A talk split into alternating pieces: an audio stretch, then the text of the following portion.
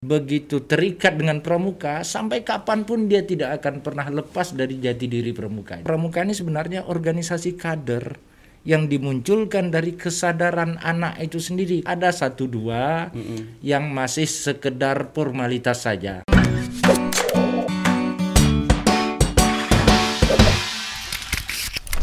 Selamat sore Tribuners. Salam Pramuka. Salam. Pramuka. Yeay. Bapak keren di sini. Nih. Ada Pramuka di sini. Ada Pramuka di sini. Karena Saya- kita berhadapan dengan orang-orang keren jadi keren. Mana ada keren Pak Amsakar kayaknya. Keren loh topinya tuh ya Pak. Iya. Selamat datang Pak Amsakar Ahmad. Di Ya, Tribun Iya. Batam Podcast. Wakil Wali. Kota Batam. Saya rindu dengan Pramuka nih Pak. Iya. Hmm. Makanya sekali-sekali bisa bersama-sama kita. Iya. Iya. Besok kita akan ada naik sepeda. Kadang-kadang boleh kalau Tribun mau kita sama-sama gotong royong. Wah, Wah, itu. itu. Atau melihat satu pulau telur penyu, boleh. Wih, ayolah Pak. Iya, boleh iya, nanti Asik. diatur waktu yang tepat. Kita bawa kamera, kita bawa video, Hmm. kita live kan. Itu pakai baju Pramuka nggak Pak? Pakai pramuka. Oh pakai Pramuka ya biar, biar ininya dapat ya Pak ya. Abis, Momennya. abis ini kejodoh nih cari Pramuka nih. iya. Ada Pak Amsakar Iya. Ahmad. Esos Ya, MSI. Esos Esos MSI. Iya. Ini kita mungkin jelasin Pak Amsakar hari ini sebagai apa nih? Kalau Wakil-wakil kota atau sebagai apa? Ya. Bapak ini ketua kuartir eh, Pramuka cabang Bat eh Batam ya Pak. Ketua Kuartir Cabang Batam. Nah, Nah, Tapi hari ini hadir saya sebagai terdakwa. enggak lah Pak, enggak lah. Cuma kita cuma kita cecer aja Pak. enggak lah Kak. enggak, kita mau ngobrol-ngobrol Kita ngobrol aja, santai Pak. aja Ya. Pak. Di Ya. sore-sore ya. Mm-mm. Ngeteh. Nggak usah berat-berat Pak. Kita Bisa berat-berat. Iya, memang kita temanya hari ini kan hari Pramuka nasional. Nasional ke 59 ya Pak ya. Benar ya Pak ya? Iya benar. 59 dan kita sengaja mengundang Pak Amsakar hadir di sini. Sebagai ketua kuartir Betul. Pramuka ya. Dan kita agak kaget makanya kita nggak siap nih. Pak Amsakar datang ke sini pakai baju pramuka, Iya. topinya loh. Topi ya. Ya, sengaja nggak bisa nggak bisa pakai headset. Kita bilang Pak kerenan pakai topi. Iya, padahal headsetnya udah disiapin tuh. Kelihatan lebih tua dari aslinya ya. Kelihatan muda malah gitu. gitu. Dan kita tetap physical distancing, Ya. berjarak eh, teman-teman tribuners kita pakai masker, Pak Amsakar juga pakai masker. Jadi saya juga kita mengingatkan juga ya teman-teman eh, masyarakat Kota Batam, anak-anak muda khususnya harus ya Tetaplah jaga protokol Iya. kesehatan. Pak Ansaka tadi saya tanyain Pak, anu enggak kita tetap pakai. Wis. Ngasih contoh pimpinannya. Ya nggak pakai keluar sana. Oh nggak ada. Nggak ada. Alhamdulillah. semua. Iya. Oke, Pak Amsakar ini oh baru ulang tahun loh Pak. Iya. Awal Agustus kemarin ya Pak. Iya, weh, ini selamat masih ulang tahun. 12 ya. Berarti Eh, bintang 13, bintangnya apa? 14. Leonid. Leo. Leo, kan saya nggak ngerti dunia perbintangan. Leo. Sama ya, sama Mas Danang. Saya Juli, Pak. Saya Cancer. Ya, adiknya Leo. Iya, adanya Leo. Adanya Leo. Iya, orang Leo itu leadershipnya bagus-bagus nih. Oh gitu ya. Iya, Amin, ya orang Leo itu rata-rata jadi pemimpin. Oke nanti saya Dan melahirkan. ter- Sengaja gitu ya. iya, iya. Pak Amsakar ini juga wakil wali kota Batam ya Pak ya. Ya, siapa yang nggak tahu Siapa ya. yang nggak tahu lah ya. Mm-mm. Terus anak sudah ada tiga. Kemarin habis mantu. Iya. Apa ya? Benar ya Pak? Betul. Benar ya. ya? Yang paling tua Suci Handini. Mm-mm. Eh, tanggal 26 Juni kemarin ya. terima menantu. Mengapa tidak dapat mengundang banyak? Ya karena physical distancing itu, karena aturan Covid. Mm-mm. Tapi di berbagai pertemuan masyarakat saya selalu sampaikan Mm-mm. Permohonan maaf tidak dapat menjemput. Mm-mm. Karena apa? Karena takdir sekarang seperti itu. Alhamdulillah semua sudah memahami. Yang paling- Lancar Pak ya, tapi ya. Ya, yang paling tua Suci Handini, yang nomor dua Aprilia Winning Room, sekarang bekerja di Epson Batam. Hmm. Yang paling tua di Jakarta, yang terakhir Amelia Intan Cahyani. Cahyani. Mm-mm. Sekarang eh, di kelas 2 SMA. Hmm. Jangan anu loh, jangan komen sudah punya pacar belum anaknya. Jadi Kadang netizen iseng-iseng nih. Siapa sih yang nggak pengen? Jadi, cewek semua nih ya Pak ya. Cewek Iya. semua. Aduh. Iya, Pak Amsakar ini lulusan sosiolo- Sosiologi Visipol Unri Pekanbaru, S2-nya Manajemen Sumber Daya Manusia, teman-teman. Iya. Ya, UNER. Surabaya. Erlangga Surabaya. Erlangga Surabaya ini. Terus sebelum wakil wali kota Pernah jadi kepala dinas. ke- kepala dinas perindustrian dan perdagangan kota Batam betul ya Pak ya? Betul. ya. Wih, luar biasa di birokrasi juga ini. Iya. Kalau ngomong di pengalaman organisasi, kita malah yang ini Pak, karena kita udah riset dulu Pak. Iya. kita yang nyebutin, ya, ini kalau salah dikoreksi. Banyak ya Nit ya? Banyak pernah jadi sekretaris umum LAM, Iya. terus ketua harian KKBM provinsi, Mm, ketua harian Dekranasda Kota Batam, Ya. mm, ketua Percasi, ya pokoknya banyak nggak bisa disebutin satu-satu guys. ya. Kalau di organisasi pengalamannya luar biasa banyak nih. HMJ Sosiologi Unri. Himpunan mahasiswa jurusan itu. Oh, betul gimana ya. Udah mahasiswa jurusan ya, Iya, HMJ. iya. Iya. Dekan juga pernah ya Pak? Pernah dekan di Universitas Riau Kepulauan ketika Pisipol pertama kali dibuka. Diajak oleh Pak Ade Nasution dengan Pak Amrullah untuk bergabung. Saya bilang saya siap. Tapi kalau tidak ada pisipnya, mungkin saya tidak bisa. Oh. Karena memang sudah terlanjur mencintai disiplin ilmu itu. mm, Walaupun bukan kepada dimensi politiknya, dimensi sosiologisnya yang saya suka. Oh, Dan menjadi dekan, alhamdulillah hebat. Eh, eh enjoy lah. iya. Karena di kampus semua yang tersendat di birokrasi di situ bisa kita curahkan. Iya. Unri kan nanti mau podcast loh Pak sama kita di hari Besok hari Selasa ya. iya. Wih. Oh mantap. Udah ngantri nih, besok udah Selasa udah Unrika ya. Ketua, ketua, ketua, oh banyak. Dekan pernah ya. Iya. Iya, iya. Memang udah ini jiwa pemimpin dari dulu nih kalau Iya. udah dilihatnya di sini ketua-ketua semua nih. Kita. Iya, iya, iya, iya. Pak, ini biasalah kalau di awal prolog. Eh, sekarang lagi sibuk, eh, mungkin pertanyaannya begini. Sibuk mikirin apa sih Pak saat sekarang? kalau sibuk ngapain udah pasti Udah gini. biasa. Sekarang sibuk mikirin apa Pak? Pak Amsakar sekarang? Sebenarnya yang paling dipikirkan itu soal COVID-19. Masih Covid ya Pak? Karena dalam posisi sebagai ketua harian gugus tugas membantu Pak Wali, kita kan ingin cepat keluar dari kompleksitas persoalan seputar COVID-19 ini. Mm, mm, mm, mm. Mengapa ingin cepat? Karena sampai dengan saat ini kita merasa dampak sosial maupun ekonomi akibat eh, empat bulan COVID-19 itu. Seluruh empat bulan ya? sendi-sendi ya yang di di Batam itu. Iya, Nah, kita kan menemukan kasus pertamanya setelah eh, salah satu tokoh agama kita pulang dari Betul. satu daerah. Kan itulah bermula. Mm, mm, mm. kalau di dunia ini kan dari bulan 10 2019 yang lalu artinya sudah hampir 8 bulan, eh sudah hampir 10 bulan, dah hampir satu tahun. Nah dalam rentang waktu empat bulanan ini, ya berbagai sektor ekonomi kita tersendat, pendapatan asli daerah kita jeblok, kemudian eh, income masyarakat secara personal, rumah tangga juga sangat terganggu. Mm. Makanya jadi perhatian sangat serius dan saya di berbagai tempat turun ke masyarakat selalu momentum itu saya gunakan untuk memasalkan, memasifkan informasi mengenai upaya bersama yang diperlukan untuk memutus mata rantai COVID-19 itu. Nah sama Pak Wali juga seperti itu. Jadi kita sekarang lebih concern ke upaya bagaimana melakukan me- berjuang menormalkan kondisi Batam. Ya harapan kita sebenarnya cepat-cepat kuning gitu. Cepat eh, cepat-cepat hijau. Hijau. Kemarin sempat sempat hijau. sempat sudah Iya kan? tujuh sudah tujuh titik hijau. Mm, mm. lalu ada kasus 25 besoknya muncul 35 wah sejak itu. Lagi. mulai dari yang tujuh hijau jadi 6 5 4 dan sekarang tinggal tiga lagi. Nah inilah yang kita sebut dengan eh, diperlukan upaya kolektif diperlukan kolektivitas untuk memutus mata rantai itu Iya, kemarin kita undang Pak Didi Pak sengaja. Iya. Kita agak memang kita prihatin, makanya kita kemarin bikin temanya jangan lengah, jangan kasih kendor. Iya. Kita sih jujur aja Pak Amsakar ini sekalian kita laporan. Iya, iya. ya memang eh, keprihatinan kita tuh kita melihat kadang ketika kita nongkrong ngopi-ngopi udah mulai rame, Iya, rame. Dan ramenya tuh, apa physical distancing udah mulai agak Nggak dijalankan. saya ya kalau kita sih mikirnya ini udah mulai agak lupa atau apa gitu. Hari ini saya turun di empat titik. Oh, yang pertama di Bengkong, pemberian eh, BPNT bantuan pangan non tunai dari Pak Jokowi. Mm-mm.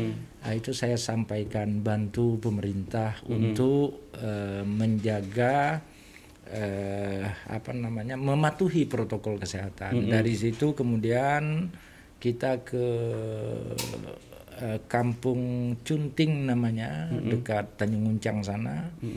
Juga dalam acara yang sama menyampaikan itu juga. Terus dari situ saya ke Lubuk Baja. setelah selesai Jumat di di apa di Masjid Sultan langsung ke Lubuk Baja. Di situ saya sampaikan juga pembagian sembako eh pembagian baju seragam anak sekolah. Saya sampaikan kembali soal apa karena sekarang dua hari yang lalu eh, kita Fitcon dengan Menko Polhukam Oke, oke. yang dihadiri oleh Panglima TNI, dihadiri oleh Kapolri, dihadiri oleh Menko Perekonomian, juga dihadiri oleh eh, Menkom Info, eh, Jaksa Agung, Kapolri, Panglima TNI, dan eh, Gubernur se-Indonesia, Wali Kota se-Indonesia, Bupati se-Indonesia. Nah, tema besarnya saat itu membahas tentang implementasi atau tindak lanjut atas instruksi Presiden nomor 6 tahun 2020. Oh, Nah, instruksi Presiden itu cerita besarnya bagaimana eh, pemberian sanksi pelaksanaan dan pemberian sanksi atas ketidakpatuhan protokol kesehatan. oh, penegakan disiplin Ya, protokol penegakan kesehatan. ya. disiplin. Iya, Di iya, situ iya. pemerintah daerah diamanahkan pertama untuk sela, sela, se- sedemi untuk eh, melakukan langkah yang masif menginformasikan ke masyarakat, Mm-mm. menyampaikan arti pentingnya protokol kesehatan itu. Pada sisi yang lain juga eh, diharapkan membuat perkada peraturan kepala daerah Oke, oke. yang di dalamnya boleh mencantumkan klausul sanksi-sanksi terhadap yang tidak mematuhi protokol kesehatan. Wah, ini mulai tegas nih. Nah, yang saya pahami dari instruksi presiden itu bahwa new normal ini sudah mulai disalah tafsirkan. Itu yang tadi Mas Danang sampai. Iya, betul. Seolah-olah kita kembali ke normal, padahal kembali ke normal, tapi dengan kondisi yang baru, dengan aturan yang baru, dengan gaya yang baru, dengan cara juga yang baru. Mm-mm. Itu yang kita sebut dengan new normal sebenarnya. Itu kalau itu kan diturunkan ke anu, Pak ya ke pemerintah daerah. Itu nanti eh, akan mulai dijalankan. Itu kira targetnya kapan, Pak? Ya, soal, kita- soal sanksi segala tadi itu. Semua FKPD semalam hadir, ya rekan-rekan Muspida hadir, Pak Dan Lanal di sebelah saya, Pak Dandim di sebelah eh, hadir semua. Kita akan eh, kami akan membuat draft tentang perkadanya, perwakunya, peraturan wali kotanya. Setelah itu nanti kita akan bersama-sama lah memperbincangkan kalau ada substansi yang ingin dipertajam oleh rekan-rekan FKPD. Nah, saya harapkan memang tidak terlalu lama sudah lahir peraturan kepala daerah itu. Cuman memang intensitas kita beberapa saat terakhir ini Mbak Danang, Mbak Nita luar biasa. Ya para tribuner sekalian luar biasa. Dalam sehari itu tujuh agenda untuk wakil, tujuh agenda untuk wali. Nah ini yang membuat kami berbagi tugas. Iya, iya, iya, iya. Saya sampaikan eh, karena berpikir tentang Hari Pramuka setelah dari Lubuk Baja di dalam mobil ganti baju. Demi Tribun Podcast. Tribun Podcast ya. Itu Keren, kesibukan ya. apa yang ada di pikirannya, apa yang kesibukannya ya. Iya, Bisa- iya, iya, harus iya. ke tujuh tempat itu tadi ya. Iya. Ya, Pak, sesuai tema kita eh, sore ini semangat pantang putus asa. Pramuka semangat pantang putus asa. Nah, eh, apa? Pak ini kan sebagai ketua kuartir cabang gerakan Pramuka Kota Batam ini, Pak. Ya. Ya, kita mungkin mungkin udah mulai ngobrol soal Pramuka. Kalau Pramuka di mata Pak Amsakar itu apa, Pak? Kita kan sempat ada beberapa teman teman-teman tuh masih relevan relevankah Pramuka, itu di kondisi eh, saat ini di masyarakat Ya. berbangsa kita tuh sebenarnya gimana pak? Ya sebenarnya sejak eh, dunia sudah dalam tanda petik unpredictable akibat kemajuan teknologi. 4.0 ini Unpredictable. berbagai lompatan-lompatan terjadi. Dan selalu ada pertanyaan masih diperlukan atau tidak terhadap sebuah kebijakan, terhadap sebuah instansi, terhadap sebuah organisasi. Selalu ada pertanyaan itu. Dan karena itu kalau dikaitkan pramuka dilihat dalam kon- konteks kekinian, saya tidak melihat ada sesuatu yang menyebabkan misalnya pramuka ini tidak dianggap relevan lagi. Hmm, Karena pramuka ini substansinya kan bagaimana membentuk kader anak-anak kita. membentuk kader. Jadi saya mengatakan pramuka ini sebenarnya organisasi kader yang dimunculkan dari kesadaran anak itu sendiri. Kan potensi ini digerakkan atas kesadaran sendiri. Nah, sehingga memang kesannya macam eh, seperti main-main camping-camping Iya, apa iya, tapi iya, iya. inilah cara men- me- apa, memasukkan nilai-nilai kedisiplinan, nilai-nilai tanggung jawab, nilai-nilai kesetiakawanan, gotong royong, solidaritas. Sebenarnya dari cara game-game yang sederhana itu dia masuk menyerap ke ranah batin anak-anak kita. Karena itu biasa seseorang yang sudah memang dari semula jadinya, asal mulanya memang sudah me- begitu terikat dengan pramuka sampai kapan pun dia tidak akan pernah lepas dari jati diri pramuka itu. Banyak sekali senior senior kita yang hari ini tergabung di dalam kuarcap kita ini sudah eh, 50-an sudah 60-an tetap juga selalu hadir di berbagai kegiatan yang kita buat. Nah, itu kan tidak gampang mendidik membangun karakter yang seperti itu. Iya, Karena iya, itu iya. kalau ada pertanyaan masih relevan kan? Oh ya berarti masih relevan. sangat relevan Iya. karena nilai-nilai yang ada di dalam pramuka itu nilai yang menurut saya sangat eh, produktif malah sangat dibutuhkan sangat hari gini. dibutuhkan ketika nilai-nilai eh, humanis nilai-nilai kebersamaan Iya, spirit kegotong royongan sudah mulai menepis maka pramuka ini yang justru kita harapkan dapat menjadi pemagarnya Mm-mm. ya dapat menjadi penjaga gawangnya mm-mm. Nah, setidaknya itulah menurut saya sudah Betul, sangat betul. minimal itu. Nah, Nah, iya Pak, tapi iya. kan sekarang gini nih. Memang pramuka ada di SD. Iya. Ya kan? Dimulai dari SD ya, Pak. Mm. Mm-mm. Nah, itu tapi sekarang nih zaman sekarang teknologi tren apa Mm-mm. tren-tren dari dunia barat lah. Iya. Belum lagi K-pop segala macam mereka udah Iya. terkontaminasi. Kadang K-pop. pramuka itu di sekolah ya mereka sekedar hanya memakai ini Pak, bajunya saja seragam. Atau itu memang udah kamu setiap hari ini pakai baju pramuka nah, gitu. Iya. Itu memang PR banget ya Pak untuk meng, apa ya maksudnya tugas berat sekali memang untuk menanamkan nilai-nilai pramuka itu sendiri. Jadi pramuka Iya, tidak iya, jangan dilihat dari iya. visualnya ya, iya tapi gitu. Iya. soal pembangunan jati diri karakter ya Pak. ya? Iya. Iya betul. Makanya saya pikir itu satu hal yang menjadi tugas kami selaku kuartir cabang pramuka. Dan hari ini alhamdulillah sejak kami diberi amanah oleh negara kan wakil wali kota, wakil gubernur itu selalu akan menjadi kuarcap atau kuarnas eh, yang seperti itulah. Eh, sejak kita diberi amanah, kami bersama ketua harian Pak Sekda ini betul-betul bergerak cepat. Semua sekarang di tingkat ranting itu sudah terbentuk, 12 kecamatan sudah terbentuk. Di tingkat gugus depan semuanya sudah terbentuk. Hmm, sudah lengkap, Nah, lengkap ya? bahkan hari ini Saka Satuan Karya Mm-mm. dari dina, dari Kementerian Kesehatan, dari TNI, dari Lanal, Satuan Karya juga sudah mulai eh, membentuk saka-sakanya itu dan kita yang melantik. Nah ini kita harapkan eh, menjadi sinyal positif bahwa apa yang tadi Mbak Nita sampaikan jangan sampai kita terjebak pada formalitas Iya. pada pakaian tetapi substansi di dalamnya di ranah spiritualnya nggak Iya, masuk. iya, iya, iya, ini jadi percuma. Jadi betul Mbak Nita ada satu dua yang masih sekedar formalitas saja.